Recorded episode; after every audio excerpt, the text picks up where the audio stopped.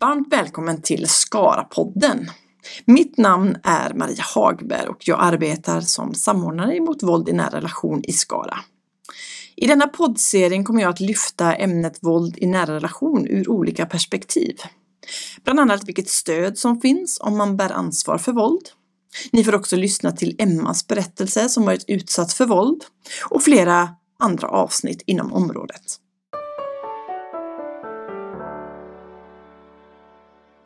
Ja, i detta avsnitt kommer vi att prata om vad det finns för stöd och hjälp om man bär ansvar för våld mot någon i ens närhet och att det finns en väg ut. Och med mig idag har jag Mikael som arbetar här i Skara kommun och du möter människor där det förekommer våld i nära relation och främst då personer som utövar våld mot någon som står dem nära. Välkommen! Tack så mycket! Så de som du har samtal med, varför, varför kommer de till dig? Ja, på något sätt har de ju eh, fått destruktiva beteenden som de känner påverkar deras relationer negativt. Och det kan ju både vara med sin partner eller med sina barn. Mm. Vad, vad är det för slags beteende då? Som, hur, hur ger det sig uttryck liksom? Eh, det kan ju vara väldigt mycket olika saker såklart men eh, en väldigt vanlig eh, sak är ju såklart att man får svårare att hantera sin ilska. Att man kanske upplevs väldigt hotfull eller skrämmande av sin partner eller utav sina barn. Svartsjuka är ju vanligt också. Att, att den blir värre och värre och att man börjar få kontrollerande beteende mot sin partner kanske i första hand. Du säger det här med att man har svårt att hantera sin ilska. Hur, hur skulle det kunna se ut? Det är ju lätt att tänka på den, det här fysiska våldet när man pratar om våld i nära relation. När man eh, på olika sätt misshandlar sin partner, stryptag och slag och sådär. Men det är en glidande skala. Alltså det kan ju börja redan med ett, eh, där man är lite mer alltså, hotfull, lite så här skrämmande mot sin partner. Där du kanske använder din kroppshydda för att på något sätt eh, blåsa upp dig och få, få din partner rädd så att de ska göra som du säger. Eller eh, så eskalerar det till att du börjar kasta saker, göra sönder saker. Och det är ju ett sätt att visa för din partner att du är fysiskt överlägsen och, och att att partnern ska rätta in sig i ledet så att säga. Det kan också leda vidare till att man kränker och förödmjukar sin partner. Och känner man att inte ens det räcker för att eh, få utlopp för sin ilska så kan det övergå till att man eh, hotar sin partner. Både direkta hot eller indirekta hot. Eller att man går över gränsen sexuellt. Så vad, vad, finns det för stöd då? Låt säga man skulle träffa dig i ett första möte. Vad skulle man prata om? Första gången vi träffas så brukar jag ju fråga lite grann om hur situationen ser ut. Det finns ju en anledning till att man har sökt så då vill jag ju veta lite vad man har tänkt med det. Eh, och sen så brukar jag ju informera om våran definition utav våld, vad det innehåller så att vi pratar samma språk. Det är viktigt såklart. Um, och sen blir det ju väldigt individuellt eh, utefter vart personen är i det. En del är inte riktigt så här kanske har tagit en del kanske inte riktigt har tagit ansvar för uh, att de är våldsutövare än. Uh, eh, en del kanske är mer så här behöver bara prata om det för att förstå. Um, om de utövar våld eller inte. Eh, så man skulle egentligen kunna komma till dig och säga jag, jag har problem med min ilska liksom men eh, jag kanske inte använder våld men jag skulle vilja prata om det. Ja precis, det tänker jag. För eh, jag brukar ägna de första tillfällena vi träffas, alltså tre till fem tillfällen kanske det kan ta och ta reda på om det är mitt stöd som är det rätta. För så är det såklart att man kanske har problem med ilska men kanske inte riktigt vet om liksom så här, går jag över de gränserna eller um, hur ska jag tänka? Uh, och det kan ju utmynna i att man kanske inte ska ha mitt stöd men man kanske behöver någon annan form av stöd. En del eh, som kommer har ju kanske problem med missbruk till exempel. Då kanske det är det man behöver fokusera på i första ledet. Mm. Att jobba med missbruket. Så då skulle man egentligen bara kunna ta en kontakt och träffa dig och prata om egentligen bara det här är så här ser det ut och eh, ja, jag har problem, jag går över gränsen och jag vet inte riktigt hur jag ska hantera det. Och så kan man ha ett samtal kring det helt enkelt. Ja, ja men det tänker jag. För eh, någonstans har man ju ändå känt då att eh, min vardag fungerar inte som den ska. Min, I min partnerroll eller i mitt föräldraskap eller no någon, någonstans brister det.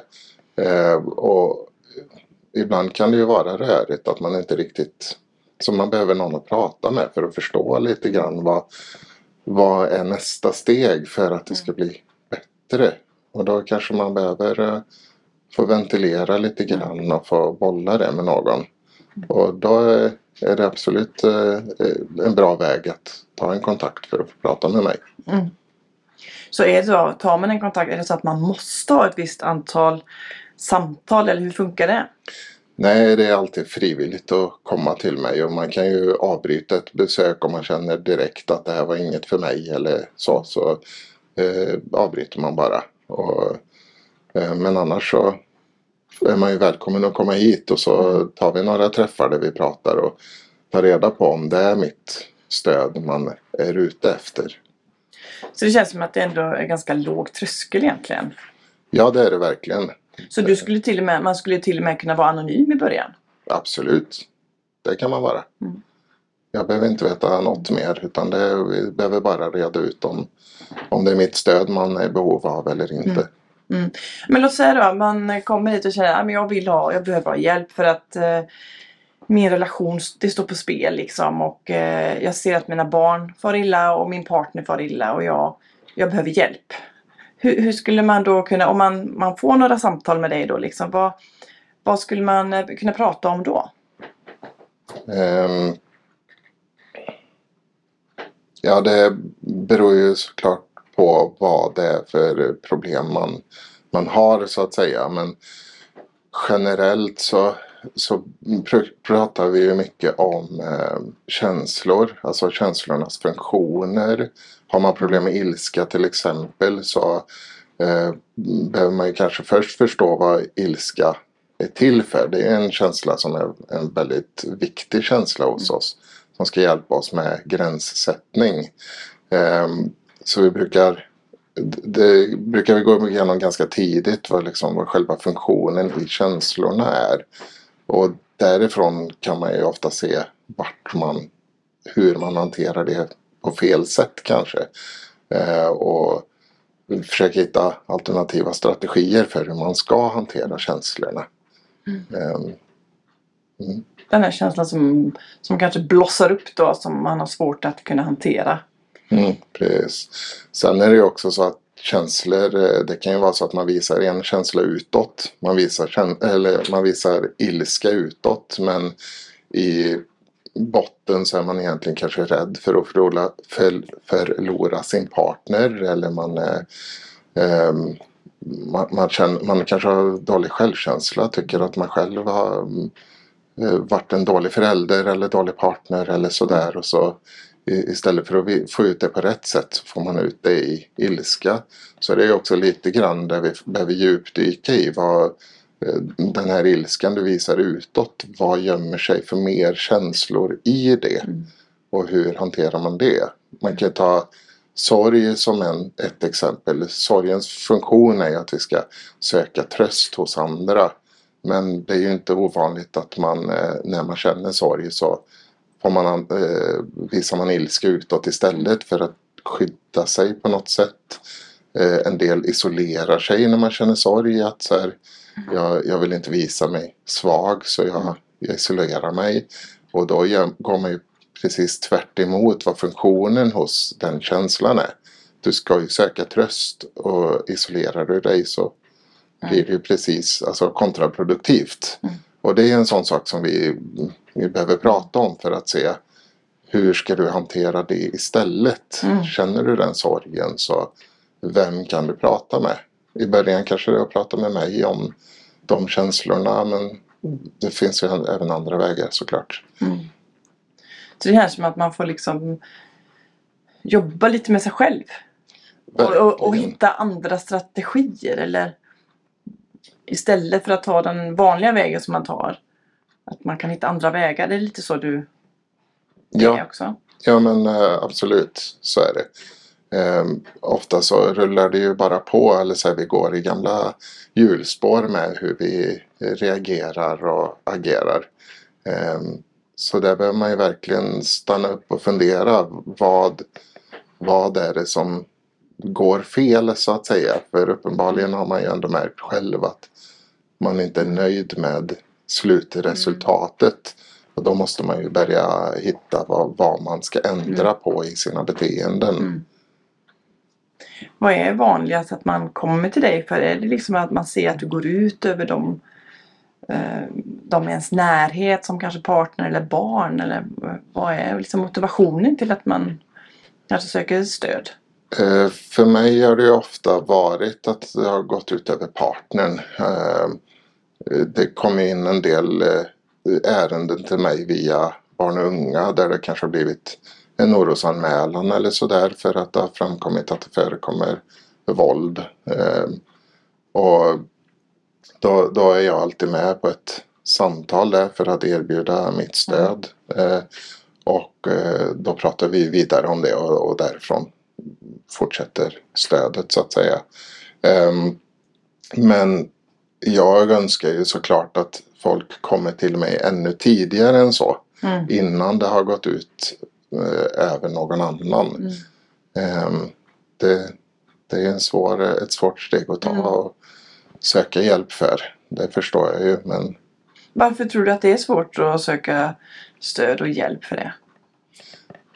Dels är det väl väldigt... Eh, mm, alltså det är svårt att... Och, det är väl stigmatiserat kanske. Alltså så mm. att man, man kanske inte behöver söka hjälp eller säga ska jag söka hjälp för det här? För mm. jag kan väl hantera mitt eget liv. Mm. Um, det är svårt också att sätta fingret på vad det är jag behöver hjälp med och vart mm. jag vända mig. Um, ja, det är ett svårt, svårt problem. Mm. Är det skam kanske? Mycket skam. Mm. Väldigt mycket skam. De som kommer till mig har ju uteslutande, alla har ju känt mycket skam över eh, vart, vart eh, deras mm. beteende lett. Och att det har fått eh, Mm, konsekvenser för anhöriga också. Mm. Så det är någonting som ni pratar också om? Det pratar vi väldigt mycket om. Mm. Skammen och hur man mm. hanterar den. Skammen har ju också en tendens till att man hanterar den kontraproduktivt. Mm. Istället för att eh, hitta sätt att eh, ska man säga eh, göra rätt för sig eller liksom mm. eh, korrigera sitt beteende så man inte ska behöva uppleva skammen mm. igen mm. Så, så blir det så en sån öm punkt så att man eh, man går, fortsätter i samma hjulspår mm. kanske gör samma mm. misstag igen mot sin egen egentligen vilja. Man mm. vill inte gå den vägen igen men man, det, det är de eh, reaktionerna man mm. har haft förut och de, fort, de spåren fortsätter mm. man i. Mm. Det känns lite grann som att man tar hjälp av det så kan man liksom byta riktning. Man kan få hjälp att byta riktning egentligen. Precis. Så vad, vad, är det för, vad har man för vinster då? Att, låt säga att man har den här problematiken och man har problem att hantera sin ilska och det går ut över närstående. Vad, vad kan man få för vinning liksom av att ha samtalsstöd? Eh, väldigt stor eh, vinning skulle jag säga. Mm. Såklart eh, det viktigaste är ju att våldet upphör om man mm. utövar våld. Eh, men sen kommer ju relationerna bli mycket bättre både med ens partner och med ens barn. Alltså man kommer vara mer eh, trygg och förutsägbar eh, förälder. Mm. Det är ju en väldigt viktig mm. punkt som barnen har väldigt stor nytta mm. av. Men sen också att man mår ju bättre i sig själv när man är mer i balans med och hanterar sina mm. känslor på rätt sätt. Känslorna ska ju vara som en kompass som leder en rätt i mm. livet men här har ju kompassen blivit felinställd så att mm. säga så att den leder den in i fel beteenden så att säga. Mm. Så att lära sig att använda känslorna på ett sätt som eh, hjälper dig framåt Mm. istället. Det kommer ju hjälpa en på alla möjliga plan, inte bara i, i relationen till Mm. exempel. Det kommer hjälpa en i livet på alla möjliga sätt. Ja. Mm. Så om man, om man då skulle vilja ta en kontakt och liksom ha ett första samtal, låt säga. Eh, för jag antar att det kan vara, vara både på telefon eller ett möte, fysiskt möte. Eller, eh, hur, hur tar man den kontakten då för att få kontakt med dig eller dina kollegor som jobbar med detta? Mm, eh, kontaktuppgifterna finns om man går in på skara.se och söker på våld i nära relation så finns ju ehm, kontaktvägarna står där Mm. Eh, och då är det ju både om man utövar våld eller om man är utsatt för våld så finns det hjälp att få den Mm. vägen. Så där försöker vi uppdatera om vi förändrar eh, Mm. sätten att få kontakt med oss så att säga. Men din uppmuntran att ta en kontakt, känner man att man har minsta lilla tanke, eller? Ja, precis. Ja, Är du osäker så ta en kontakt. ja, För eh, ett, mm, i värsta fall så får du ett eh, samtal med mig eh, som, Mm. inte, som leder till att nej det var inte det här stödet jag behöver. Mm. Men du kanske kan få en fingervisning åt vilket håll du, alltså Mm. vilket stöd du behöver Mm. istället då. Så jag tänker att det finns egentligen inget att förlora. Det finns bara att vinna på att ta den kontakten. Tack så mycket Mikael. Eh, jättebra. Tack. Tack själv. Om du vill prata med någon gällande vad du har lyssnat till, se mer information i avsnittsbeskrivningen eller besök oss på skara.se vir. Tack för att du har lyssnat!